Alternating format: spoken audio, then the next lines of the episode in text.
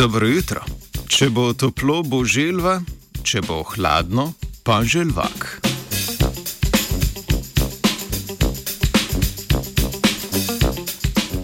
O čem torej govorimo? Raziskovalna skupina je v reviji Science podala razlago genetskega mehanizma, ki odloča o razvoju spola pri želvah vrste okrasna gizdavka. Po mnenju avtorjev in avtoric raziskave so njihovi izsledki uporabni za razlago razvoja spolnih organov pri številnih živalskih vrstah, pri katerih je določitev spola odvisna od okoljskih dejavnikov, naprimer temperature v času razvoja zarodkov. Razvoj spolnih karakteristik je pri živalih izredno kompleksen postopek, pri katerem mora priti do nadzorovanega izražanja množice genov, ki na koncu privedejo do razvoja določenega spola. A kljub svoji kompleksni naravi je ponavadi razvoj spola vezan le na nekaj ključnih dogodkov. Pri ljudeh je ponavadi to prisotnost ali odsotnost spolnega kromosoma Y. Pri nekaterih plazivcih, med drugim določenih vrstah krokodilov in želu, pa je razvoj spola odvisen od temperature, pri kateri se inkubirajo jajca. Manj pa je znanega o tem, kakšen je od temperature odvisen molekularni mehanizem, ki odloča o razvoju spola.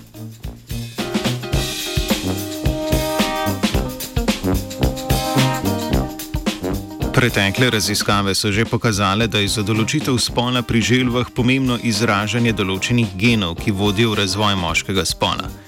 V primeru, da se tekom razvoja zarodka ti geni ne izražajo, bo razvoj potekal v smeri ženskega spola. Ker so geni v celicah pogosto hierarhično urejeni, to pomeni, da je izražanje več genov pod nadzorom skupnega regulatornega proteina, se zastavlja vprašanje, kateri je ta ključni regulator za razvoj spola. Avtori in avtorice študije so pokazali, da je razvoj spola pri želvah v krasnih gizdavkah pod nadzorom proteina STAT3.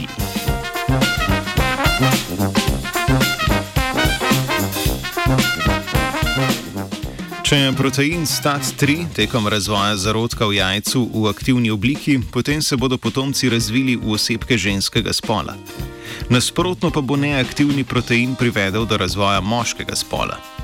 Izsledki raziskave so pokazali, da aktivni STAT-3 z vezavo na specifično mesto na genomu prepreči razvoj moških spolnih žlez v zarodkih, odsotnost teh žlez pa na to vodi v razvoj potomk ženskega spola.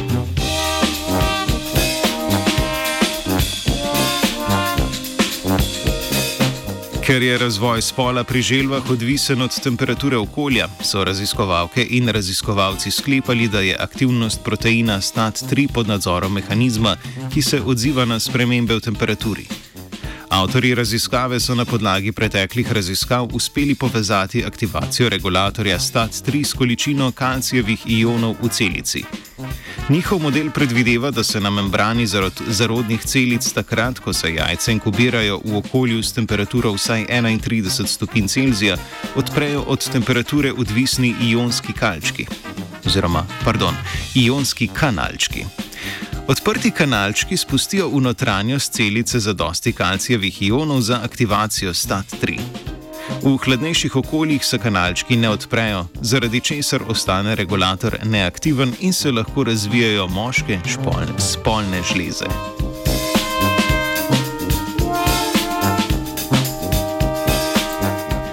Protein STAT3 ni prisoten zgolj pri želvah v krasnih gizdavkah, temveč je pomemben regulator pri mnogih vrstah.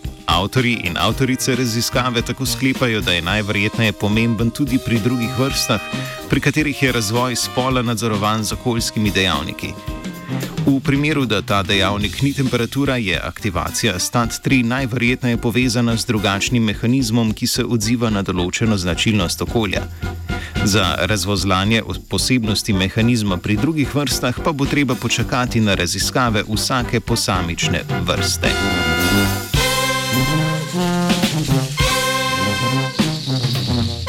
V hladnem okolju se je inkubiral Arne.